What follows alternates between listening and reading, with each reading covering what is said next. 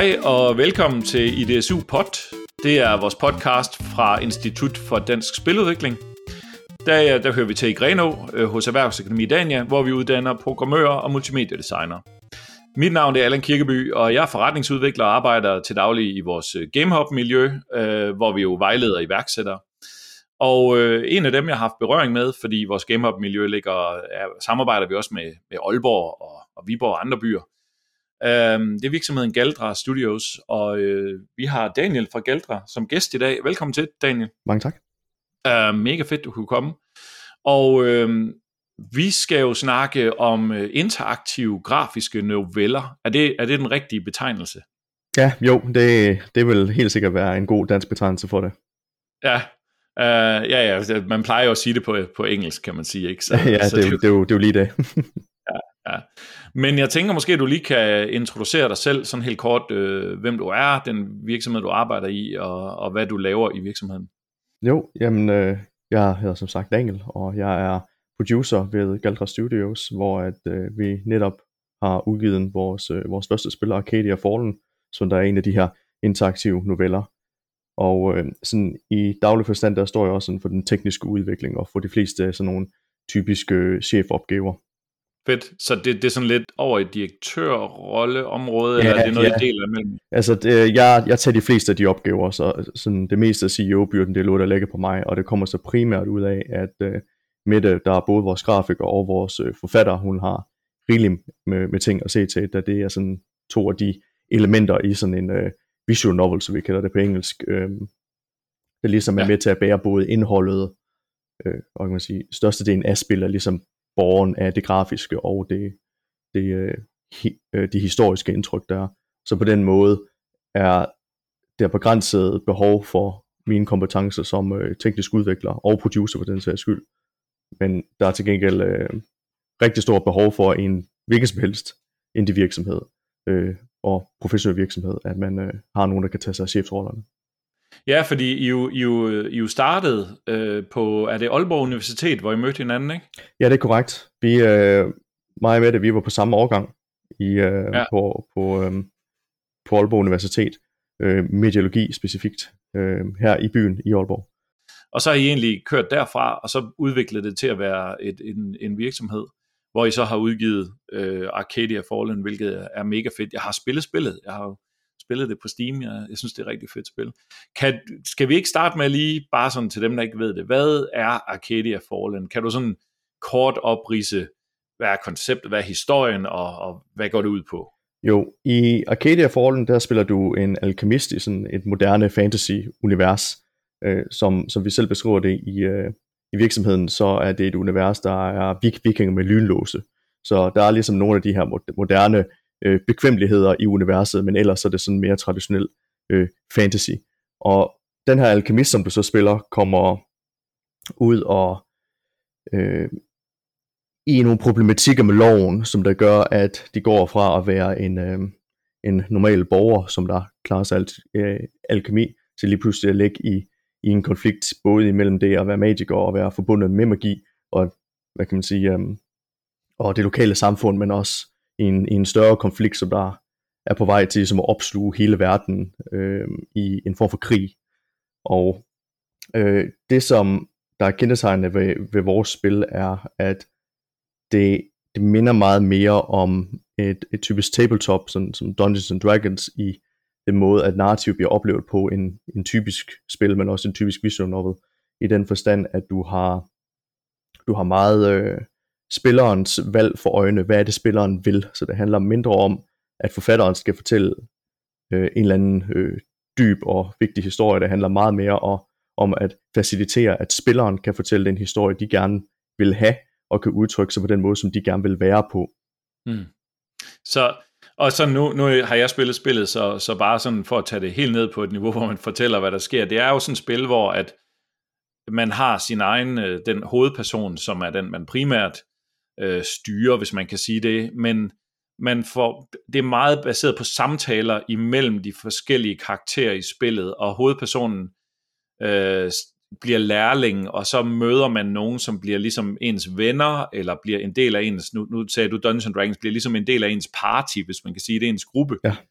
og så har de mange samtaler, hvor at relationerne imellem karaktererne også er, er den måde, historien udfolder sig på. Og så er der selvfølgelig nogle, hvis man kan kalde dem det, skurke, som de så bliver konfronteret med, og så er der nogle konflikter, man skal løse. Og meget af det bliver løst igennem samtaler, så det er sådan et meget øh, dialogbaseret spil, og så er der selvfølgelig nogle, nogle, et par minigames i og sådan noget, ikke? Mm.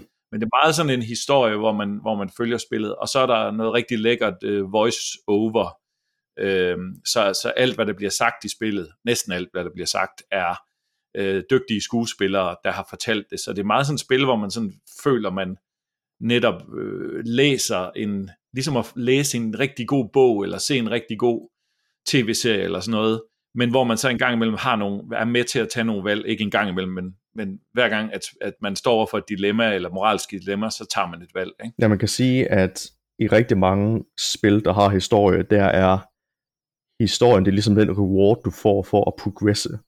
Så når du lykkes i at klare en level, eller at du øh, øh, overkommer en eller anden form for challenge, jamen så det, du bliver rewardet med, det er en story bit. Så på den måde, så er narrativet selv en reward, du får for at, at spille spillet, mens i det vores spil, der er narrativt spillet i stedet for. Og det gør, at det ser sig ud på en noget anderledes måde, end, øh, end, end hvordan at, øh, at vi typisk er vant til at se spil. Ja. Så I er, I er tre personer, der gik ind i det her, for jeg er sådan nysgerrig på den her, øh, nu har I valgt den her genre, og nu siger du også i normale spil, der er, det, der er historien en, en belønning, man får, eller en reward, og det kan jo være sådan noget med, at man løber rundt og smadrer en masse monstre, og så på et eller andet tidspunkt får man et klip med et lille stykke historie. Men I har jo valgt den her genre, det har været et, et bevidst valg fra jer. Hvordan startede det? Jo, som, som vi var inde på tidligere, så mødte mig og øh, Mette hinanden igennem vores studier på øh, Aalborg Universitet. Og den tredje mand, vi fik på, er mm. så Jesper, han er vores øh, lydmand og står for både lyd og musik. Han kom på på samme tid, altså vi startede virksomheden op sammen, mens øh, at vi stadig var på det sidste år af vores, øh, vores studie, så vi var samme årgang øh, alle tre, og jeg kendte så Jesper fra tidligere, inden at vi begge to var flyttet til Aalborg, hvor vi øh, var i et band sammen i, tilbage i Horsens, så det var ligesom der, hvor jeg vidste, at han kunne låde med musik, og da vi, da vi så fandt hinanden i Aalborg og fandt ud af, at vi begge to sådan af forskellige øh, veje var ind i Aalborg senere i livet, jamen så, øhm, øh, så begyndte vi at lave game jams sammen til at starte med. Så, så tog vi til game jam sammen, og vi hyggede os. Og så på et eller andet tidspunkt, så inspireret af, af andre lokale virksomheder som Tunnel Vision og Stoneplant, der eksisterede på det tidspunkt, så øh, blev vi ligesom inspireret til, at vi tænkte, at vi vil prøve på at gøre det professionelt. Simpelthen lave vores eget studie og lave vores eget spil. Ellers så havde udsigterne øh, for inden været, at vi tænkte, at vi skulle ud og arbejde for nogle andre i spilindustrien det ender vi også med at gøre i en, i en, i en lille overgang. Ja. Men, øh, men det var ligesom vores ambitioner på det tidspunkt. Og så startede vi så virksomheden. Og i starten, der tror vi egentlig ikke, at vi skal lave vision novels. Vi tror egentlig, at vi skal lave platformer. Men på et eller andet tidspunkt, det går det ligesom op for os, at jamen, alle folk laver platformer. Og vi er jo ikke specielt udstyret til at lave en platformer. Men at vi derimod, både gennem vores arbejde i studiet, men også fordi, at Mette hun har rigtig mange års erfaring med øh, at lave, hvad hedder det, øh, roleplay øh, med, med en veninde og lignende, og øh, at skrive sådan noget som fanfictions, og rigtig meget af det her, mm. der ligesom øh, eksisterer omkring det her anime-miljø, som vi også har i Danmark. Øh, så ligesom de ting bundet sammen, også at flere af vores prototyper på det her tidspunkt, fordi at vi igennem studierne undersøgte øh, narrativ i spil, så havde vi faktisk allerede lavet visual novel, mm. så vi havde fået masser af feedback fra brugere. En af vores øh, tests endte med at blive spillet af en 600-700 personer online, hvor vi havde fået feedback på. Så vi stod lige pludselig med en hel masse feedback til den her genre. Vi stod med nogle unikke, øh, unik viden, vi havde fået igennem vores studie, fordi vi meget specifikt havde brugt også vores, øh, vores masters projekt til at finde ud af nogle, nogle nye ting, eller ting, som man måske ikke var så, så klar over, hvorfor man gjorde i spilindustrien, så vi, i stedet for at vi kunne gøre det sådan på godt feel i hvert fald, om ikke andet, øh, så kunne vi ligesom gå ind og lave nogle meget konkrete designvalg og bruge det som et meget mere konkret værktøj, end vores indtryk har været, folk det har gjort det førhen.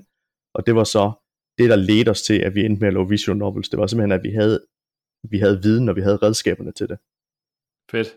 Altså jeg, er jo, jeg synes jo, det er mega fedt som sådan en forretningsudvikler, der prøver at undervise øh, folk i, at de skal prøve at se, hvad markedsmulighederne er og sådan noget. Fordi det lyder som om, at det du siger, det var, at der var ikke nogen af jer, der havde øh, den her genre som jeres øh, præference, når I selv skulle spille. Det, det har ikke været jeres indgangsvinkel. Det har meget været et spørgsmål om at finde ud af, dels øh, hvad var I gode til, og, og er der et marked for det, og så har I fået noget validering med nogle prototyper, I har lavet, og så at den vej har I ligesom fundet ud af, at, at øh, det, det, det her, det, det er vi gode til, og, og der er et marked for det. Ja, det, det vil jeg gerne give dig ret i, at der er ligesom en, altså vi, vi spiller alle sammen spil i genren, men vi er ikke på sådan den der typiske måde, sådan avantgarde fans af genren, hvor at rigtig mange folk, der for eksempel ender med, at øh, så måske de vil lave en MOBA, fordi de er kæmpe fans af League of Legends. Og du ved, det, det, det var ikke på det grundlag, at vi gik ind i det. Øhm, det, det var den der med, at vi, vi, vi kunne godt lide genren. Vi havde, vi havde nogle spil, vi spillede i genren, men det var ikke fordi, vi spillede alt i genren på den måde. Nej. Og så lyder det også som om, at det også, der har også været noget pragmatik, hvis man kan bruge det udtryk, inden omkring, at hvad det var for nogle kompetencer, I havde. Øh, nu ved jeg, at du, du har stået for det tekniske, og en masse forskellige ting, men Mette, så vidt jeg forstår, er, prim, er den der primært er grafiker, jeg jo se hendes tegning, hun er pisse dygtig, og, øh, og jeres tredje mand er, er musik og lyd, øh, og så har I selvfølgelig haft forskellige hatte på undervejs, ikke? Men det var også et spørgsmål om, at, det, at I kunne levere en kvalitet, som I, I kunne se, var det markedet ville have. Men, ja, man kan sige, at en udfordring som indie-udvikler, og specielt som indie-udvikler, der kommer ud af studiet, er at konstruere et team, der har de kompetencer, der er nødvendige til at kunne nå i mål. For man ser mm. i ny og næ, at der er folk, de kommer ud, og så laver de et studie med, øh, med deres venner eller med deres gruppe. Og problematikkerne kan godt nogle gange være der, at du får en, en, en vis byrde i dit team. Det kan være, at du har mange programmører, det kan være, at du ingen programmører har, for eksempel. Mm. Og på den måde, så er en ting, det er ligesom at overveje, hvordan det er, at du laver dit team, men også hvad det er, at dit team det kan. For eksempel, hvis du har en masse programmører, så har du jo masser af kompetence til at lave en masse interessant gameplay. Hvis du ikke har nogen programmører, så skal du nok tænke mere på den grafiske stil, eller historien for eksempel. Og ja. på samme måde, så da at jeg, øh, fordi at det, det i stor stil var, var mig, der samlede vores øh, lille A-team, øh, jamen det var fordi jeg kiggede på, jamen hvad, hvad skal vi have dækket? Og jeg kunne ligesom se mig ud af, at vi tre, vi kunne sådan egentlig dække det meste, sådan hovedopgaverne. Mm. På det tidspunkt, og det, er jo, det synes jeg nemlig er sjovt, fordi du nævner, at Mette Mettes, øh, Mette Mettes grafik, som der er rigtig god, øh, men for, jamen for tre år tilbage, øh, for fire år, fem år tilbage, som, altså, det, det til på, at du kom til, da vi egentlig startede, jamen øh, der, der var hun naturligvis ikke lige så dygtig, fordi der er gået rigtig lang tid undervejs, og de første prototyper osv., der havde vi egentlig en idé om, at det var en anden person, vi skulle have ind til at lave grafikken, men fordi at Mette hun rigtig godt kunne lide at tegne, og fordi at hun på et eller andet tidspunkt ligesom øh, indfandt sig med, at det nok blev nødt til at blive hende, eller at hun i hvert fald var efterhånden kunne se sig selv ud af, at hun var blevet så dygtig allerede inden for et par år, at hun egentlig godt troede, hun kunne gå hele vejen, og det ender hun også med at gøre. Hmm og det resultat, vi har i dag, det er vi, det er vi rigtig godt tilfreds med. Ja, Jamen, det, er rigtig, det er rigtig fedt, og nu, nu siger du for, var det 4-5 år siden, du sagde, altså det har jo været en, en lang øh, rejse, kan man sige, og, og du nævnte også, at I undervejs har haft et, et, et side et sidehop ud og lave, blive ansat et sted og være projektansat og lave noget for en anden virksomhed, og så I komme tilbage og arbejde videre med projektet. Altså, har det været hårdt, eller har det bare føltes naturligt, og at, at spillet har udviklet sig sådan over meget lang tid? øhm, det, altså der, der har helt sikkert været tidspunkter, der har været meget hårde. Og man kan sige, at det er også det der med, at man kan jo ikke planlægge det hele sådan ud fra startskuddet af. Og da vi startede virksomheden, der havde vi ikke nogen, det troede vi egentlig ikke, at vi skulle ud og arbejde i spilindustrien, men vi endte med at øh, falde over to stillinger, en stilling, der lød til, at den var god til Mette, og en stilling, der lød til, at den var god til mig. Og så øh, ved, ved samme virksomhed, og så ansøgte vi begge, og vi fik begge. Mm. Og så var det bare en rigtig god mulighed for at skærpe vores kompetencer inden for lige præcis de roller, som vi egentlig også havde i vores egen, øh, egen virksomhed. Simpelthen få ja. noget erfaring. Øh, og, og det kan godt være svært, specielt at komme ud af studier, øh, mm. og man gerne vil lave sit eget. Men hvis man får den mulighed, øh, så vil jeg nok anbefale at tage den. Det var i hvert fald, øh, det var rigtig meget værd for os, øh, også i forhold til netværk, fordi at man jo lige pludselig kommer ud og møder øh, andre mennesker i spilindustrien, og får et, øh, hvad hedder det, kan lære af dem, i stedet for at det eneste, man ligesom har med undervejs, det er, det er alt det, man får fra studier, og du får jo en masse gode ting fra studier, men det der med, at man kan gå ud og lave sine øh, øh baby steps fejl i, øh, i den professionelle, øh, hvad hedder det, øh, øh, spilindustri, og at der ligesom er nogle andre, der betaler for at oplære dig mm. og få noget erfaring, i stedet for at du selv skal, øh, hvad kan man sige, bonge for alle de fejl, du laver i starten. Det, øh, det var i hvert fald med til at gøre, at da vi så hopper ud, sådan halvandet år efter, at vi, øh, vi startede vores arbejde dernede i Aarhus, øh, det var også der, hvor vi begyndte at sådan rigtig at snakke sammen og møde hinanden, det var faktisk også dernede. Ja. Og jamen, jamen, jamen da, vi, da vi så hoppede ud der, jamen der havde vi jo nogle, øh, meget mere blod på tanden. Vi vidste, vi havde en meget mere klar øh, vision for, hvad det var, vi ville, mere en, en mere klar retning for, hvordan vi, vi skulle nå der, mm. nå der til. Altså jeg, jeg, sidder, jeg har jo, øh, jeg har jo vejledt mange øh, grupper, der er startet ud, og, og det der ofte sker, det er, hvis, hvis folk først øh, siger, at vi er ved ud at have et job øh, i branchen, og så man bliver ansat i en eller anden etableret spilvirksomhed, øh, så, er der, så, er det, så er det tit, at folk så bliver hængende der. Men, øh, ja. men jeg synes jo, det er interessant, og, og det siger også lidt om, hvor meget I har troet på det, og hvor meget drive og lyst I har haft til at, at arbejde i den her gruppe, og lykkes med det her spil. Jeg ved ikke, om det er sådan, du ser det, hvis du tænker tilbage, men... det var et meget svært valg, da vi skulle tage valget om at hoppe fra.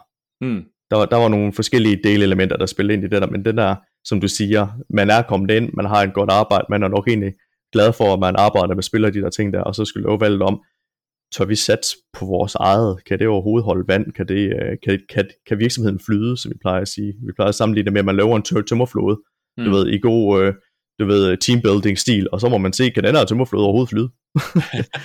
øh, og, og, og det var jo, og det vidste vi jo ikke. Altså, det, det kunne vi jo ikke vide. Det var det, det der ingen, der kunne vide. Øh, det, det ved du først, når du sætter den i vandet. Men øh, vi havde en tro på, at, at det her, det var lovet, vi i forvejen var nået rigtig langt med, og lovet, hvor at vi nemlig stod stærkere, og at det var, at det var nu, vi skulle gøre det, fordi som du siger, jamen hvis du først bliver ansat i spilindustrien, og du først bliver vant til at, at, at, at sidde der som, øh, eller det ved jeg ikke engang nødvendigvis, fordi øh, noget jeg har hørt fra, fra, fra en anden person, det var den der med, at der er nogen folk, jamen de kan se sig tilfredse med at være en medarbejder, og så er der folk, der ikke kan se sig tilfredse med at være en medarbejder. Altså de vil, de vil ud, og de skal på grænser, og de skal lave deres, øh, deres eget. Ja. Øh, og jeg vil nok sige, at det, er, det har nok egentlig været lidt mere det, der har ligget lidt i vores DNA for os alle sammen. Ikke? At vi, vi, vi, vi, vi vil skulle lave vores eget. mm. Så det var Nå, det, det så tror jeg også, den, ja, den validering, I har fået, har jo været med til at forstærke troen på, at, at, at det var risikoen værd at tage den chance. Altså, og, og at det, at de havde et team, der kunne løfte hele opgaven. Øhm, så jeg synes, det er rigtig fedt. Ja, jeg tror, det var det. Og så må man sige, historien har jo været, der er jo sket en masse undervejs, men, men sådan den korte oprisning er jo, at de så vælger at launche en uh, Kickstarter, efter I har afsøgt, jeg gætter på, at I har afsøgt nogle muligheder for noget finansiering hister her, men så vælger I simpelthen at launche en, en Kickstarter for spillet. Um, ikke fordi hele podcasten skal handle om Kickstarter, vi må lave et andet afsnit om det, men kan du fortælle lidt om, hvad, hvorfor I valgte det, og hvordan I, I kørte den i gang? Um, havde I fa- det er jo noget med, at man skal have fans i forvejen, det helst er anbefalingerne, for at man kan launche en Kickstarter. Helt sikkert. Det er, fordi man kan, man kan jo sige Kickstarter, og øh, jeg har også lavet øh, et, for, et foredrag for GamePop på et tidspunkt, øh, og mm. det, er jo, det er jo et kæmpe emne, men jeg skal forsøge at gøre det overfladisk og kort, øh, men komme omkring nogle af tingene, og det du nævner der, det er jo lige præcis en af dem, og det er den der misforståethed om, at man tror, man kan komme ud med et spil, og så bare sige, her er der et fedt spil, fordi igen, hvis du ikke har et following, hvis du ikke har folk, der følger dig allerede, inden du starter en Kickstarter, jamen så når du kommer ud og siger, hey, vi har en Kickstarter, så er der ikke nogen, der lytter. Der er jo ikke, der er jo ikke, der er jo ikke nogen i rummet. Mm. Og du bliver simpelthen nødt til at sørge for, at du får, får folk til at samle sig omkring dit projekt, inden at du kører en Kickstarter.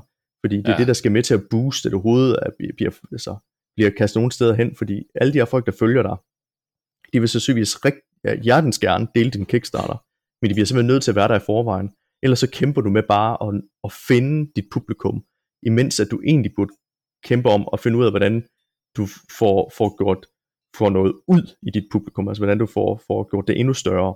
Vi havde, åh, jeg kan, hvor, hvor mange følgere havde vi, da vi startede vores Kickstarter? Vi, vi havde nok knap 1000, da vi, da vi startede vores Kickstarter. Et eller andet sted der omkring, tror jeg nok. Jeg kan egentlig ikke helt huske det.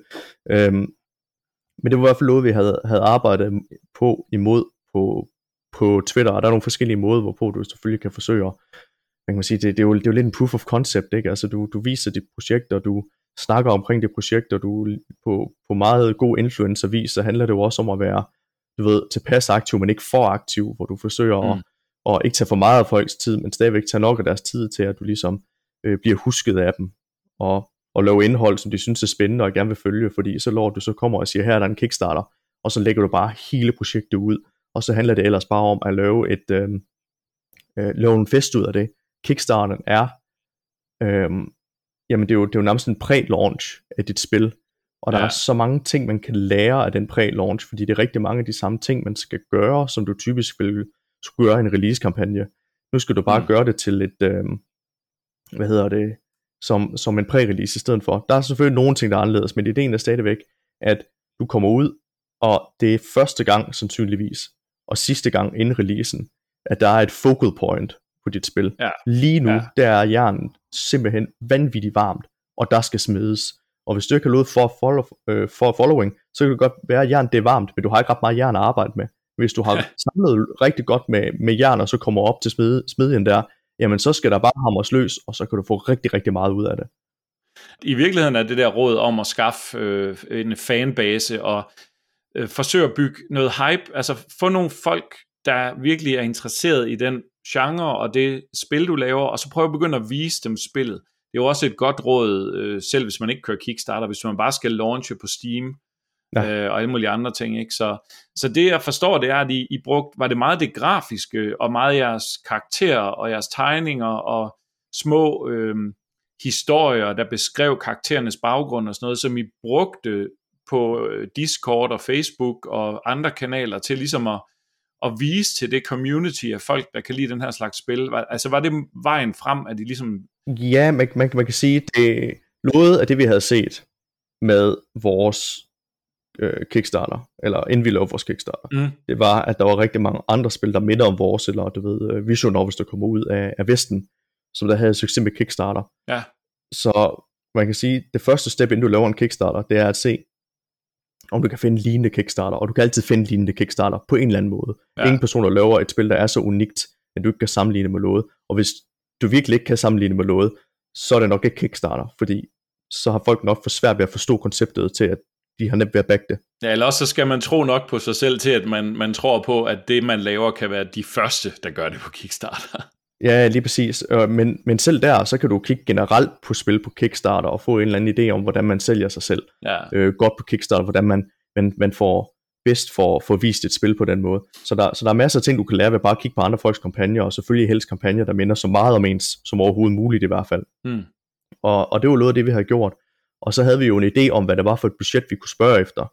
Fordi vi kunne sådan kigge på, du ved, det generelle, du ved, øh, hvad kan man sige, øh, fidelityen, altså øh, kvaliteten af de forskellige spillere, og, og hvad det var, det viste sådan cirka, hvor vi troede, vi ville kunne, kunne ligge, og så sørge, sørge for ligesom at lave vores kampagne med, jamen hvad er det, vi gerne vil have ud af den her kampagne, mm. og hvordan får vi det til at passe på det budget. Og det, som vi bad om, det var så voice acting, det var, vi vil have voice acting i spillet. Ja. Og vi satte så øh, en, en, en goal, hvor vi vidste, at vi kunne få noget voice acting.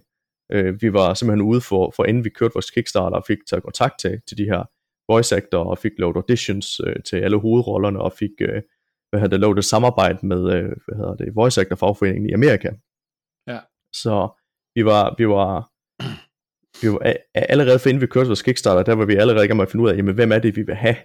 Fordi så kunne vi vise meget konkret til spilleren, hvad det var, at de ville få ud af det i det her spil her, og hvem det var, de ville støtte op omkring. Ja, men også, der rigtig, Mm. Det er vel også noget med, at, at uh, i lige præcis den her genre, der er de der voice actors, uh, uh, for de fans af genren, kan, kan nogle gange være en form for celebrities. Altså de er, der, folk er, bliver begejstrede, hvis det er en bestemt voice actor, som også har lagt stemme til et andet spil. Som jeg forstod det, var det også noget, det I, I kunne spille på. Helt sikkert. Altså man kan sige, at mange af de her voice actors er, hvad jeg tror, man betegner for en B-list celebrity. Mm. Du ved, det, det er det er ikke sådan nogle store Hollywood-stjerner eller sådan noget, men de har et kæmpe following, og der er en god sandsynlighed for, at du vil finde folk, der kender, kender dem, i, specielt inden for vores genre. Ja. Og på den måde, så agerede de jo også influencer, kunne man sige. Og man kan sige, noget af det vigtige i en Kickstarter i det hele taget, det er, det er to ting. Det ene, det er at, øh, at kunne vise, hvad det er for et spil, du laver, men også kunne vise, hvem det er, du støtter. Fordi mm. det er det jo folk, der støtter dig. Det er jo det er ikke fordi, det som sådan er charity, men der er jo noget, noget kærlighed forbundet med det. Ikke? De, de, de vil gerne støtte dig, fordi at, at øh, de giver dem noget, at de kan hjælpe en lille virksomhed. Ja. Men hvis du kan sende det endnu videre og sige, ved du hvad, jeg giver de her penge videre til nogle seje folk, mm. som I sikkert også gerne vil støtte. Ja. Du ved, så får du det virkelig det hele til at gå op i en større enhed. Så det der med, at, at det ikke bare er penge, hvor man tager pengene og smider det efter en eller anden outsourcing virksomhed, eller hvad nu, altså, du ved, ansigtsløse operationer er ikke interessante. Nej. Hvis du kan putte et ansigt på, hvor at folk de ligesom, i, ligesom hvor du gerne vil have dem til også at være investeret i din historie, og, og hvem du er, og selvfølgelig have en interesse i at støtte dig, ikke kun fordi det er et fedt spil, men også fordi du er sej. Den kan du også give videre og sige, alle de her folk, vi hyrer ind og samarbejder med, de er også seje. Vi skal have en fest sammen. Vi er alle sammen seje, ikke? Ja. på den måde. Og så lykkedes I jo med jeres Kickstarter, og, og det, var, det var mega fedt. Og så havde I jo så arbejdsro, kan man sige, i gods øjne, ikke? Altså, så kunne I jo så fordi I lykkedes med Kickstarteren, gå full on i production, og så arbejde frem imod launch, og spillet launchet på øh, Steam, er det ikke rigtigt? Ja, det launchede på Steam i første omgang. Ja, og, øh, og det er, også, er det også blevet en god launch? Nu, nu spørger jeg bare her for åben øh, mikrofon. Er, har, I, har I fået salg igennem Steam? Er det gået fint, eller var det primært Kickstarteren, der skaffede det store øh, salg, kan man sige? Altså man kan sige, at øh, sammenlignet med Kickstarteren, der har altså øh, Steam har solgt, hvad det skulle sælge. Ja. Jeg tror, at det er jo, det er jo svært med prognoser, øh, mm. når man ikke øh, selv har sine egne tal at smide på. Øh, men man forsøger jo ud fra forskellige modeller, sådan er det jo med alle forretninger, så forsøger man at gøre sig en eller anden form for øh, billede af, hvad man nok regner med, at man kan sælge fra, ud fra nogle forskellige matrixer, man kan regne på. Øh, wishlistings har man sikkert hørt rigtig meget om, værende en af de gældende der. Og vi kunne se, at i løbet af de første to uger, der uden at give et alt for konkret tal, så kan jeg godt sige, at vi var lidt under, øh, hvad prognoserne egentlig sagde. Ja. Og det virkede til, at det her lå at gøre med os, at vi ikke helt fik omsat hele den, hele den mængde af, af wishlistings, vi gerne ville. Det var mm. tæt på. Det var ikke fordi, at det var, det var meget ved siden af, men det, men det var lidt under, hvad vi egentlig sådan helt havde håbet på, det ville være. Men til gengæld, øh, det kan jeg jo sige nu, fordi at det er ved at være hvad hedder det, to måneder siden, at vi udgav, øh, to og en halv måneder siden. Og i de to efterfølgende måneder, der har vi til gengæld haft et meget bedre salg, end hvad prognoserne var for den periode. Og jeg ved, at øh, vi nogle gange snakker om den her dinosaur. Ja. Og det er jo så konceptet om, at man kan tage lidt ens øh, salg af spil og se det lidt som en langhals. Mm. Så du har den lange hals, det er ligesom, det er dine to første dage, der går det bare stærkt, du laver en masse salg, du ved, øh, kurven den er helt oppe i toppen, ja. og så daler den, og så får du din ryg, det er så de næste, de næste to uger, og så får du din hale, og det er så det første år, eller i det hele taget, bare indtil spil, det, det er dødt, basically. Ja. Øh, det er resten. Og det, som vi kunne se, det var, at, at vores, øh, hvad kan man sige, ryg og øh, hvad det, hals øh, på, på vores langhals, den var, den var lidt lavere end forventet, den var, det var lidt mindre. Til gengæld så har vi en meget tyk hale, og, og det ja. er vi så meget tilfreds med, at, øh, at det, og det har vi håbet på. Vi har håbet på, at vi kunne se, at den fik en meget tyk hale, og det er så det, vi har lykkedes i. Og det, det er sådan set øh, meget mere værd. Men det gjorde da, at man sådan lige øh, var igennem de to første uger, og man kigger lidt på tallene, ikke? og man, man, man står sådan lidt og klør sig selv i skægget. Ikke fordi det er et problem, du ved, det er fint nok, men det der med, kan, kan vi gøre det her bedre? Men ja. at det så også blev bedre, så det har været en, øh, det har været en rigtig stor succes, øh, og, og, og vi har allerede tjent næsten halvdelen af vores omkostninger ind på. Steam alene. Fedt. Ja, for I har også udgivet på, øh, på andre platforme nu og sådan noget, og det, det kan vi måske vende tilbage til lidt senere. Øhm, jeg tænker, øh, tillykke med udgivelsen, og, og mega fedt, at det går godt. Så øh, jeg, tror, jeg tænker måske også, det er en genre, fordi det her afsnit hedder, hvordan udvikler man en interaktiv grafisk novelle. Øhm, og nu har vi talt meget om det forretningsmæssigt, men det er jo også en ret central del af at komme afsted med et produkt, som kan få en fanbase. Så selvom jeg håber ikke, at der er nogen, der sidder og lytter og så slukket, fordi nu taler de bare forretning, men, men jeg tror, det er ret vigtigt at tænke over, at, at, at for alle produkter, så er det jo, skal man jo finde sin fanbase et sted, og finde ud af, hvordan man når dem og sådan nogle ting, og hvordan plejer man den fanbase. Men øh, så, øh, så ja, mega fedt. Øh, jeg sidder og tænker på, om vi skal prøve at snakke lidt om, om grafiske noveller, genren, og som indgangsvinkel til det, så, så nu vi lige talt om salg og, og long tail, og hvor meget man sælger per måned efter den umiddelbare launch. Tror du ikke, den her genre er sådan en genre, hvor, som ikke er så, den er jo ikke afhængig af high performance frame rate og øh, partikeleffekter og sådan noget. Tror du, det er en genre, der måske, hvor et hvert spil kan leve længere, før det bliver forældet? Altså kunne man forestille sig, at det her spil kan blive ved med at sælge i 5 år eller 10 år måske? Det er i hvert fald en del af vores hypotese. Det er, og det er også noget, vi synes, vi kan se lidt, som du siger, den der med, at selvfølgelig er der fortællinger, der også bliver forældet, og vores fortælling vil også nødvendigvis øh, blive forældet, men som du siger, fordi at hvis du laver en grafisk stil, øh, der er ikke, altså ikke ulige pixel art også på mange måder, mm. så er der en, øh, en bedre måde for at holde dig, hvad hedder det, aktuel i længere tid. Jeg tror, en af tingene er den der med, at hvis du laver en platformer, og at dit salgspoint, øh, det er, det er din platforming mechanics, ja. jamen der kommer hele tiden nye platforming mechanics ud, nogen som nogen nok synes er bedre, eller du ved, så kører det bedre, det har mere fantastiske particle effects, som du siger, ikke? Mm. Ting, der gør gameplayet meget mere lækkert. Og på den måde, så lige så snart, at der er nogen, der kommer med en meget mere ny og skinnende platformer, jamen så er dit spil allerede forældet. Ja. Men hvis du kan lave en historie, som der er en historie, der er lavet meget specifikt til en bestemt målgruppe, eller som der har noget at sige, som der gør, at den bliver meget mere dybdefølende hos nogle bestemte folk, fordi at man kan sige, at en platform er jo selvfølgelig lavet til folk, der spiller platformer. Mm.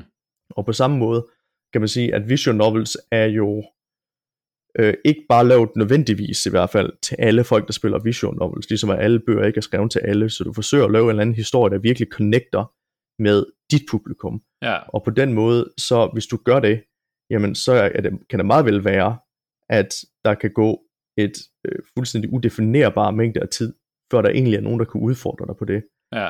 Ja, der er også rigtig mange folk, det ser vi også med spil for den sags skyld, der vender tilbage til, øh, til gamle fortællinger, de voksede op med. Mm. Og på den måde, så øh, altså historie og den verden, du skaber, øh, er jo på en eller anden måde unik. Ja. Så du kan ikke på samme måde sige, at et andet spil, det er strictly better, hvis man kan sige på den måde. Nej. Øh, og, og, og sådan er det jo øh, i mange forstande, hvis du tager mange first person shooters, jamen det nye first person shooter, det kører bedre, og det er mere vanvittigt, federe grafik, alle de der ting der, og det er en stor, jeg ved, hvad kan man sige, som, som du også øh, er inde på med, at det er jo en bærende ting for den genre, så ja. folk de hopper fra det ene spil til det andet spil, fordi de vil spille det nyeste og det fedeste spil, fordi det er det, det handler om. Men hvis du har et univers, så er det rigtig svært nødvendigvis for folk at bare hoppe til det næste univers, fordi det er ikke det univers, de er investeret i. Jeg, jeg tror, det er noget af det, der også driver det. Jamen, det er jo sådan en, en, en fanbase, og, og folk bliver forelsket i, i karaktererne og sådan noget, hvis man er, er nørd, og så kan man nok forholde sig til, at man har en speciel relation til Luke Skywalker i Star Wars, ikke? Og så ved mm, jeg godt, at, at Star Wars kan også være noget med skyde, skyderi og, og, og space fights og sådan nogle ting. Men det er, jo, det er jo de dilemmaer, karakteren står i, og sådan nogle, sådan nogle følelsesrelationer, som gør, at man har lyst til også at dykke mere ned i det her univers og høre ekstra historier, og hvad, hvad, hvad skete der dengang de forlod karavanen, og noget man ikke hørte om i den første. Og sådan nogle ting, der kan jeg godt forstå, jeg tror det du siger med platformer for eksempel, det er jo, at at løbe og hoppe, det gør du i alle platformer. Så mm-hmm. på den måde, så er, det, så er det ikke nyt fra platformer til platformer, men et, et spil, der er meget bygget op omkring en historie og et univers og noget worldbuilding og nogle karakterer. Der kan man rent faktisk skabe sin unikke niche, ikke? Hvis man kigger på first person shooter genren, er også en af dem, der, der øh, nu siger jeg lider under, det er jo ikke fordi det lider under, det, det, det er en helt anden, hvad kan man sige, øh, det er øh, helt andre, måde, andre motivationer. Ja, det, det, det, ja, lige præcis. Det er nogle helt andre forhold, de skal sælge deres spil under. Og man kan sige, at sådan noget som uh, nu Dead Red, uh, Red Dead Redemption 2 var jo alle steder i medierne, dengang det kom ud, og var jo kæmpestort. Ja. Det samme så du med Cyberpunk. Uh, Deathloop har lige haft sin, uh, du ved, tid, The Limelight, og uh, du, nu kan du allerede få det spil til, du ved, til halv pris på Steam sale. Mm. det, det kunne du vist allerede, du ved, et par måneder efter du er ude. Sådan er det typisk for dem her, fordi at de fokuserer meget ned på en enkelt måned, eller måske endda en enkelt uge, hvor al hype, alle folk spiller det her spil, det er first person shooteren, du spiller med din ven. Og så næste uge, der er det det næste. Og man kan sige, at, at det er en måde at sælge en spil på. Vores spil er en, er en noget mere intim oplevelse, i den forstand, at det er jo ikke engang multiplayer. Og det, det handler meget mere om, at du øh, at det er, en, det er en fed historie, ligesom at du kan, jo, øh, du kan jo samle Harry Potter op i dag. Du kan også øh, starte på den første bog af Game, Game of Thrones, og, det, ja. og, og de vil stadigvæk være en fed historie i dag, og på samme måde, fordi at lige bogen, som, du, som den vil være inde på, mm. at jamen, grafikken i vores spil er ikke så øh, drivende, eller bliver ikke forældet så hurtigt, fordi at det, som vi laver, det er det, som er det er ikke teknologi, øh, både af teknologi, eller, præcis, eller nye udviklinger i game engines, eller sådan noget, ikke? Så. Fuldstændig ja, og, og, og, og nyt, du ved, virkelig skarpt gameplay. Det handler om historien, og ja. den historie, den vil, den vil stadigvæk være god en måned, et år, flere år fra nu. Ja. Og, og, det, og det er jo nok derfor, at vi ser den her hale her. Også at vi ser, at der er, at der er folk, der måske har hørt om, hørt om spillet, men ikke lige nu, at de lige har brug for at sidde med en bog. Men så på et eller andet tidspunkt, hvor de står lidt der, ved du hvad, jeg kunne egentlig godt bare bruge at sidde i en sofa i dag. Vi fandt en på, der havde skrevet om, om, om øh, spil på Twitter, mm. hvor at de åbenbart, det var nogen, der spillede Destiny på enden. Men så er de åbenbart øh, faldet og slået sig. Det, jeg, jeg kan ikke lige huske, om de har brækket en arm, eller om, om den var i gips, eller hvad det var. Men de kunne faktisk kun spille med en arm. Og så har de fundet vores spil. Fordi at det kunne de jo nyde ja. øh, med en hånd. Du ved, det var ikke noget, der krævede en masse, så de kunne sidde og hygge sig der sofa, og så havde de en god oplevelse med det. Så på, på den måde, øh, er det nogle helt andre forhold. Bare no, no, det, det, ja, det er nogle helt andre forhold, og det betyder også, at vi ikke på samme måde kan lave den samme form for, for hype omkring, hvad kan man sige, den første uge og de første to uger selv, øh, som man typisk ser inden for de fleste andre genrer, sådan, eller mere gængse genre i hvert fald, ja. øh, som de fleste folk øh, er bekendte med. Så i vores genre, det handler det meget mere om at fokusere på den her hale, øh, af dinosauren. Men det betyder vel også, at, at øh, hvis det er sådan et mere øh, et, et format, ligesom en film eller en, en bog, hvor at, at al underholdningen er noget, som modtageren i overvejende grad modtager øh, passivt. Øh, og så ved jeg godt, at de har en, man kalder det interaktivt. Man tager jo nogle valg, men det er jo noget, mm. man kan gøre med en hånd. Så det, det er meget sådan nogle øh, valg, man tager uden den store interaktion, hvor at, at en stor del af gameplayet i en first-person shooter er der jo kun, hvis spilleren hele tiden øh, giver input og agerer, og der er noget, noget action og immediacy og sådan nogle ting. Ja. Så hvordan, så betyder, så der ligger det vel, så er det vel endnu mere, I skal konstruere og bygge og i skal skrive en god historie, og I skal lave appellerende øh, karakterer, der kan vise ans- øh, følelser i deres ansigter, når der sker ting og sådan noget. Så øh, kræver det ikke, var, var der nogen af jer, der var forfatter? Altså havde I forfatter evner, eller var det noget, I blev gode til undervejs? Nu nævnte du, Mette blev bedre til grafik. Er det, er det sådan en, noget, I har udviklet undervejs, eller hvordan? Mette, hun har mange års erfaring med at skrive, og hun troede egentlig for inden, at hun startede på mediologi, at hun skulle være forfatter-forfatter. Ja. Øhm, men hun kunne godt lide spil, ja. så hun vil gerne være forfatter i spil. Det var sådan set den måde, hun gik ind i uddannelsen på, og også derfor, at, øh, som jeg var inde på tidligere, vi ender med at lave forskning i narrativ i spil. Og det, der ligesom kommer så ud af, det er den der med, at øh, de gængse forfatteruddannelser, du har øh, i Danmark, men sikkert også internationalt, de er jo ikke udstyret til at være narrativ designer eller Nej. forfatter i et spil. Det er de overhovedet ikke udstyret til. Så hun fandt ligesom sin egen vej mm. ind i det. Og det betød så også, at øh, hun for det første havde, hun, altså hun, hun skriver hele tiden. Altså hun skriver hele tiden historier, hun er hele tiden meget analytisk omkring det og, og udfordrer sig selv. Mm. Og, og, og det hun gjorde det allerede for inden hun startede på studierne, og så brugte hun jo så fem år på virkelig at specialisere sig selv i det, for inden at vi hoppede ud i virksomheden. Så det har været afgørende for vores spil. Altså hvis, hvis vi ikke havde med det, jamen så var der ikke noget at spille. Fordi det er, det er hendes historie, det er hendes evner til at kunne fortælle den her, den her historie. Noget af det, som jeg har kunne give til hende øh, som programmør, er så, at jeg har programmeret nogle, øh, nogle værktøjer til hende. Mm. Fordi på samme måde, så er der ikke ret mange gode værktøjer derude til at facilitere den her form for spil. Fordi de fleste spil ikke bygger på den her form for valg. Hvad hedder det? Øh, jeg bliver ved med at glemme, hvad den, øh, hvad den, hvad, hvad den hedder, men der var den der Netflix øh, Choose Your Own Adventure film. Det er rigtigt, ja. Jeg kan heller ikke huske, hvad den hedder. Bender Snap, altså, jeg tror, den hedder Bender Snap. Og hvis du ser, øh, de, de, de var helt op at køre over, at det var, det var en, en landvinding nærmest, at de har lavet en mm. interaktiv øh, film. Og du ved, så kigger vi her i studiet, vi kig, kigger på deres flowchart over deres valg i spillet, ikke? og vi står der, ej, det er godt nok sødt. Det er, sådan, det er det er vores, et, fem minutter af vores spil ser mere avanceret ud, det der flowchart. Ja. Vores, altså, det, er jo, det, det, det vil være at sammenligne vores lille solsystem med, du ved, med, du ved, he, he, he, hele mælke, med, med, med mælkevejen og de, øh, du ved, øh, øh, sidelæggende galakser, ikke? Ja. I, i kompleksitet.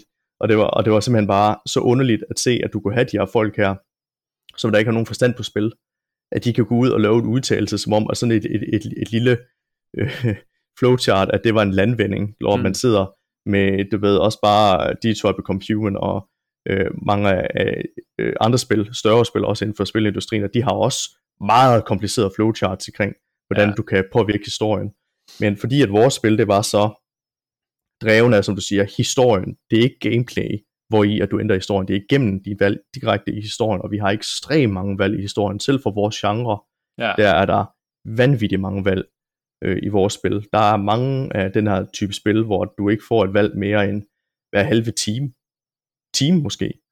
Der var mange, altså der var mange, nu, nu nævnte, nu, i det sidste afsnit vi havde, der, der, blev det, der nævnte Michael Vitus øh, kort øh, de her svær og trolddombøger, som jo kom frem, var det i 70'erne eller sådan noget, som ja. var den der Choose Your Own Adventure-agtig, men hvor man læser, og så i slutningen af et afsnit får man, hvis du vælger at samle sværet op, øh, blader til side det, hvis du vælger at lade sværet ligge, blader til side det, og så på den måde, så har du sådan et, et narrativt øh, fortælletræ, der deler sig undervejs, men det er jo også, så det reelt bliver det en hel masse lineære historier, men, men jeres er jo mere komplekst end det, fordi ting lapper over og udløser ting og sager, så, så, øh, så jeg har spillet lidt af jeres spiller, jeg kan, jeg kan se ja. nogle af de der komplekse mekanismer, I har, så det, jeg kan godt følge, hvad du siger. Der, der, der er nogle typisk sagen for vores genre, det er, at hvert, øh, hvad kan man sige, branching narrative kan man tit se som et træ, du ja. ved, at hver gang du laver en, en branch, jamen så får du en, en branch, ikke? altså du får en ja, grening, ja. en afgrening, ikke? Ja. og på den her måde, så får du et rigtig stort træ, hvis du laver rigtig mange valg. Og en af de typiske løsninger inden for vores genre, det er, at du begynder at klippe grene af, og laver det, som folk de kalder for bad endings. Ja. Så det er, hvor du bliver stoppet, du dør, et eller andet sker. Et eller andet, der gør, at du ikke kan fortsætte. Og så efterhånden, som du nok kan forestille dig, så bliver der klippet rigtig, rigtig mange grene af det her træ her. Og det er ikke et særligt pænt træ til sidst, og det bliver en helt labyrint med at finde ud af, hvordan du overhovedet ender ude i noget, der ikke er en bandending. Og vores spil er struktureret meget anderledes i den forstand, at øh, det, det er mere det typiske design, man plejer at kalde for en perlerække. Ja. Så hvert chapter i vores spil er som sådan lineært. Du ender igennem alle de her chapters i spillet. Men hvad det er for nogle ting, du gør undervejs, har påvirker, øh, påvirker hvordan at hver af de her chapters, de udspiller sig. Mm. Men fordi vi hele tiden lige kan trække det lidt ind, så kan vi give spillerne meget, mere, øh, meget større frihed til at påvirke de her enkelte punkter, øhm, og uden at de behøver at gå, til, gå tilbage. Der er ikke noget som helst tidspunkt i vores spil, hvor du bliver nødt til at gå tilbage. Og der er også givende tidspunkter, der er meget få folk, der har fundet det, men der er givende tidspunkter, hvor du rent faktisk kan lykkes i at lave nogle valg, der resulterer i, at nogle af dine companions faktisk skal dø undervejs. Og så kan du fortsætte, og du kan gennemføre spillet med øh, den her øh, følelse af savn, fordi at du har mistet en person, og specielt hvis du har spillet det på flere måder, øh, øh, ja, på forskellige måder og komme til slutningen, mm. jamen så kan man jo virkelig mærke, hvordan at en person måske mangler dig i den sidste konfrontation for eksempel. Og det er også sådan nogle ting, man, man stadig kan bygge ind i det, så der, der er en masse designmæssige ting omkring, hvordan du strukturerer et, et spil, der giver frihed til at tage valg, fordi selv i, i vores genre, hvor du får lov til at lave en masse valg, så bliver der tit taget en masse frihed væk fra dig ved at klippe grenene af træet simpelthen, hvor vi forsøger at spænde ting ind, så du altid kan nå et meningsfuldt sted hen med de valg, du laver. Det kan godt være, at de har negative konsekvenser, eller konsekvenser, du ikke er glad for, mm. men, det, men det, vi afholder dig ikke fra at gennemføre spil med de forhold. Nej, fordi en af faldgrupperne i, i sådan nogle øh, øh, narrative forgreninger, øh, eller en af udfordringerne for en spiludviklerfirma er jo, at jo me, flere forgreninger du har, jo, jo mere øh, content, jo mere indhold skal du producere, fordi for hver forgrening, hvis du ikke klipper dem af, skal du producere mange flere slutninger og mange flere variationer, og det kan koste penge og tid. Og sådan noget. Så det er en af grundene til, at man i nogle produktioner vælger at klippe dem af. Mm-hmm. Men en anden faldgruppe er jo også nogle gange, at, at øh, sådan nogle forgreninger kan resultere i, i det, som spilleren oplever som, øh, som øh, breaking, altså brydende for det, uh, breaking emergence, altså øh, ja. at man bryder følelsen af immersion, fordi at lige pludselig kommer der nogle ulogiske koblinger, fordi den måde historien bliver fortalt på, så var man ude af en forgrening og kom tilbage til et andet sted, så virker det ikke rigtigt. Det synes jeg ikke i den, jeg har ikke gennemført hele jeres spil med det, jeg har spillet, det synes jeg ikke, jeg oplevet ske faktisk i den øh, store del af spillet, jeg har spillet indtil videre, så det må I jo have arbejdet ret meget med. Det har vi arbejdet rigtig meget med, og det er også en del af det værktøj, vi nu har som vores øh, secret source ind i virksomheden, som, som vi har brugt rigtig meget tid på at udvikle. Det, det er at facilitere, at, at det er nemmere for Mette at skrive en coherent og god historie, ja.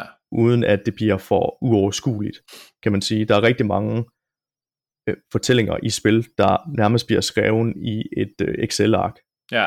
Og så er det altså det, det, det er godt nok, du ved, DOS-tid af interface at arbejde i, ikke? Altså, Men det gør I ikke? I gør noget andet så? Vi gør noget helt andet, ja. ja. Vi, øh, så vi bygger med, du ved, hvor du har øh, nodes og flowcharts, og du har alle mulige, øh, hvad hedder det, øh, måder, hvorpå du kan se, hvordan der ting, de linker ind i hinanden øh, i sådan et, et fint overview. Så vi har sådan et, et rigtig fancy tool, vi har, har, har lavet til hende, som der gør det nemmere, og det gør så det som af, at, at, øh, at det er noget, vi har været opmærksom på, mm. øh, at, at det var meget vigtigt at sørge for, at det her det skulle gøres billigt, at det her det skulle gøres effektivt. Fordi hvis, hvis vi kan gøre det nemmere for hende at arbejde, jamen så kan vi få et bedre narrativ, og vi kan gøre det hurtigere. Og det er også en investering i, at vi også gerne vil blive ved med at lave spil i virksomheden, og det næste spil skal også bruge det her værktøj. Ja, men det er vel også øh, en, af, en af, hvad skal man sige, øh, den der øh, secret ingredients, øh, som, som I kommer med, og, og måske nu, nu øh, nu øh, sagde du det der med Netflix, som, som du synes, det var sådan lidt fjollet, at de var så imponeret over noget, som du så som ret simpelt.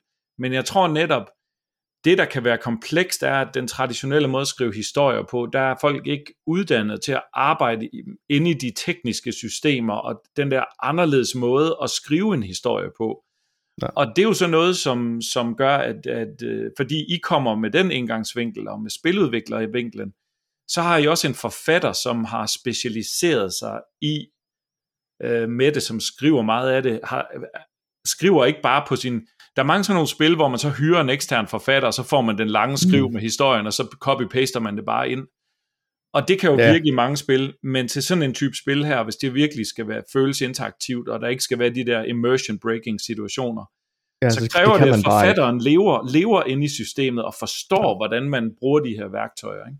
Så det lyder, det lyder rigtig spændende. Det er også, og det, og det er spændende, du, du nævner også det der, fordi at mediologi er jo også en programmeruddannelse. Det er ikke en meget teknisk programmeruddannelse, men det er en tilpas teknisk programmeruddannelse. Mm. Og på den måde, så hele det der med, med if og else statements, man kan sige, er en rigtig, du, du ved, er ligesom en grundlæggende struktur i indsagte narrativ. Hvis noget det er sket, jamen så gør vi det her anderledes. Mm. Og det kan man jo sige, at fordi at, at Mette hun har en, øh, en mediologi-baggrund, jamen så har hun også en rigtig god forståelse for det der FL-segment struktur. Og det er jo nok også derfor, man ser, at uh, Tim Schafer, men også rigtig mange andre store uh, hvad hedder det, forfattere i spilindustrien, at mange af dem, de er faktisk programmører for inden, fordi mm. de har en bedre forståelse af, uh, hvordan at tekst det forgrener sig, ligesom at kode det forgrener sig.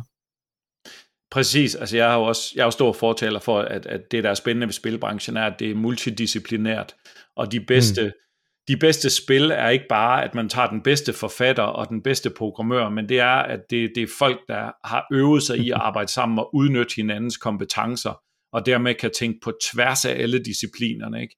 Og dermed ja. får man noget helt nyt frem, ikke? Noget, jeg synes, man oplever tit i, eller som der, der er nemmere for os at gennemskue, at det sker i visual novel genre, men man ser det jo øh, flere steder, er sikker på, at du også kan, kan komme i tanke om nogle, nogle eksempler på det, det er den der med, at Øh, jeg synes, at, at det er rigtig nemt at lave en sammenligning med bands igen. Ja. Øh, fordi det var den der med, at der er så forskel på et band, der spiller sammen, og ligesom er sammen om at lave et stykke musik, der bare alt sammen de spiller. mm. eller om du har en gruppe med folk, der bare jammer hver deres ting. Fordi det kan godt være, at de er de dygtigste i verden, men hvis de spiller hver deres stykke musik oven, oven i hinanden, jamen så spiller det jo slet ikke sammen, og det er jo, det er jo, det er jo ikke, det går jo op i en større enhed, det bliver jo ikke spændende af den grund. og, det, og det kan godt være, det det er teknisk spændende, det som gitarristen har gang i, eller det der øh, syge trommestykke, som, øh, som to trommerne har gang i, men hvis de to personer ikke kan få det til at gå op i en større enhed, ja. jamen så er det lige meget. Ja. Og, og, og, det, og det synes jeg, man kan se. Øhm, ikke nødvendigvis mange steder, men når man arbejder i spilindustrien, så i hvert fald specielt inden for ens egen genre, så begynder man i hvert fald at opdage nogle steder, hvor man er, er sådan lidt, det er ikke fordi, der er noget galt med de her elementer, men det er som om, at de spiller lidt, du ved, hver deres stykke musik, de, de, de får ikke udnyttet potentialet af, hvad det var, de kunne have gjort, hvis de havde været bedre til at, at, at ligesom få, det, få det til at arbejde sammen. Ja, Jamen, jeg er enig, og det, det er jo noget, man... Øh det er jo noget, man ikke tænker over i spilbranchen, fordi man tænker, at man bare skal i gang med at lave spil, og så skal vi bruge en grafiker og en programmør, og så er vi all good. Men, men det med at lære at arbejde sammen og øve sig sammen, ligesom et band, det gør også, at man mm. bliver bedre, og jeres næste spil bliver jo både teknisk og kunstnerisk og fortællemæssigt meget bedre, hvis det forudsat, at de fortsætter sammen, ikke? og det gør I jo sandsynligvis. Og når det så er sagt, så kan jeg se nu, at tiden løber jo fra os, fordi det er jo mega spændende, det vi snakker om. og jeg havde også tænkt, at vi skulle prøve at snakke om, hvordan øh, forskellen på grafik og historie og sådan noget, men det, vi må tage det i et, i et, vi må tage et ekstra afsnit, så vi skal have med det med, så kan vi snakke om, øh, hvordan man skriver en god historie. Men øh, så jeg tænker, vi, vi skal til at runde af, og, og normalt så plejer jeg jo at, at lade vores gæster fortælle lidt om, hvad de ellers er gang i, og hvad der kommer ud i fremtiden, så jeg tænker, at øh, du lige kan få lov til at plukke noget, der sker enten for jeres spil, eller for det næste, eller hvad du tænker. Øhm, har du et eller andet, der sker nu her? Jo, jamen altså, spil der jo lige kommet ud på Switch, så hvis folk har sådan en, så er det jo den, den bedste måde, tror jeg, at opleve vores spil på, fordi det lidt ligesom en bog, som mm. man godt kan se øh, led, øh, lige at sidde med i sofaen, eller måske øh, sidde med i sengen, eller på farten, så, så gør vores spil så bare rigtig godt i den der håndholdte format, du kan få med Switchen. Men ellers så kunne jeg også forstå, at øh, nu er det her jo øh, prægekortet, men at det kommer til at, øh, at, blive, at blive sendt på, på den 14. Det er jo valentinsdag. Ja. Så i, i den uge, Øh, kommer vi til at have tilbud på øh, PC-versionen, øh, hvis, man, hvis man køber det på HIO eller på Humble Bundle Store, hvor du kan købe Arcadia Fallen, jamen så kommer vi til at have et, øh, et tilbud på 10% i, i den uge, simpelthen for at jeg kan sige, fejre romance i spil, ikke? Og, fordi det er, jo, det er jo en højtid for vores spil, øh, sådan noget som Valentinsdag, fordi at romance også er en del af, af spillet. Ikke at du behøver at indgå i et, øh, i et romantisk forhold med øh, de her andre karakterer øh, i spillet, men ligesom i, i øh, nu sammenligner det med Dungeons and Dragons tidligere, ligesom at du har dine companions, jamen så handler det jo om companionship, øh, og om hvordan at interaktion ligesom sker imellem de her øh, folk, man, man øh, ligesom holder af. Sådan er det jo typisk, når du sidder og spiller D&D med folk, det er jo, det er jo venner, ja. der hygger sig, og på samme måde, så er det her lidt en, øh, hvad kan man sige, et single player Dungeons and Dragons, hvor vi forsøger at, at skabe nogle af, nogle, den samme hygge følelse i virkeligheden, ikke? med at man, man, man, man er på den her rejse med nogle folk, man hold, holder af, og det kan godt være, at man vil forskellige ting på den her rejse, sådan er der også i Dungeons and Dragons, en forskellige karakterer har forskellige motivationer, men, øh, men det handler egentlig mest om, at vi gør det sammen. Ja, og, og de valg, man tager i jeres spil, der kan, der kan man vælge at tage nogle valg, der gør, at, at man, ens hovedperson bliver forelsket i den ene, eller den anden, eller den, eller den tredje. Ja. Øhm, så det, det, det er en ret uh, interessant ting, og det er vel også noget, der gælder øh, for genren ofte i, i den her genre, at, at det, er en, det er en stor del af genren, at man kan opbygge relationer og, og, øh, og føre det til kærlighedsrelationer med nogle af karaktererne. Um, og det næste, jeg plejer at spørge gæsterne om, det er, hvad, hvad er jeres planer fremadrettet? Jeg synes, du nævnte, at det næste spil, har I planer om et nyt spil, og har I planer om en ny platform måske til, øh, til Arcadia? Vi har, vi, hvad hedder det, Mette, hun er så stille og roligt begyndt på produktionen af vores næste spil, Arcadia Fallen 2. Mm-hmm. Og det kan jeg ikke sige så meget om på det her tidspunkt, det må jeg ikke sige ret meget om på det her tidspunkt, men der kommer til at komme en, en toer. Fedt. Og øh, den kommer til at foregå i samme univers og jeg ved også, at vi har nævnt, at det kommer ikke til at være med den samme hovedperson, det kommer ikke til at være sammen med det samme cast, altså det kommer til at være et nyt sted øh, med nye personer, men i samme univers, og der kommer, du kommer til at kunne møde nogle af personerne fra det første spil af, i, i det sammenhæng, at det giver mening i den nye, så det er ikke fordi, at hvad hedder det, at det bliver sådan en, en totalt, øh, hvad hedder det, øh, afgrænsning fra, at man overhovedet ikke møder nogen, men, øh, men jeg kommer ikke til at spoil i dag, øh, hvem det er, at der dukker op i, i nummer 10, to spil også. Ej, det, behøver, det behøver du heller ikke. Det er heller ikke sikkert, det er heller ikke sikkert at, at, at vi, vi har jeres mest hardcore fans øh, nej, med nej, nej. De vil engelsktalende, øhm, mange, af jeres, mange af jeres fans, ikke fra... Det er det helt sikkert. Altså, det er meget populært i Amerika. Ja. Det, er, det, det er der største del af vores øh, salg, det bliver lavet. Ja, Men fedt. altså ellers, øh, så har vi også øh, et andet spil på vej, og det kan jeg heller ikke sige så meget om andet, end at vi er i gang med produktionen af to spil på nuværende tidspunkt. Fedt. Så jeg tænker måske, at øh, jeg har jo mulighed for at smide nogle links ind, så jeg kan selvfølgelig smide links ind til, til både Steam, og jeg ved ikke, om man kan få et link til, hvor man kan købe det på Switch, og jeres hjemmeside, og så tænker jeg, hvis man er nysgerrig på og kan lide jeres spil og er fan, så kan man jo holde øje med jeres hjemmeside og holde øje med jeres sociale medier, og så øh, kommer der jo nogle updates på et eller andet tidspunkt der, ikke? Det gør der helt sikkert. Øhm, ja, vi skal til at runde af. Øhm, det var mega fedt at snakke med dig om det her, mega spændende, øhm, og jeg glæder mig til at, at følge jer fremadrettet. Du skal have mange tak, fordi du var med i vores podcast i dag, Daniel. Jamen selv tak, det har været, øh, det har været forrygende. Ja, og øh, du må hilse øh, de to andre i gruppen, ikke? Det skal jeg helt sikkert gøre. Og så til jer, der lyttede med, så øh, tak fordi I lyttede med, og, øh, og øh, kig ind på vores podcast side igen om 14 dage, fordi der kommer det næste afsnit. Tak for det.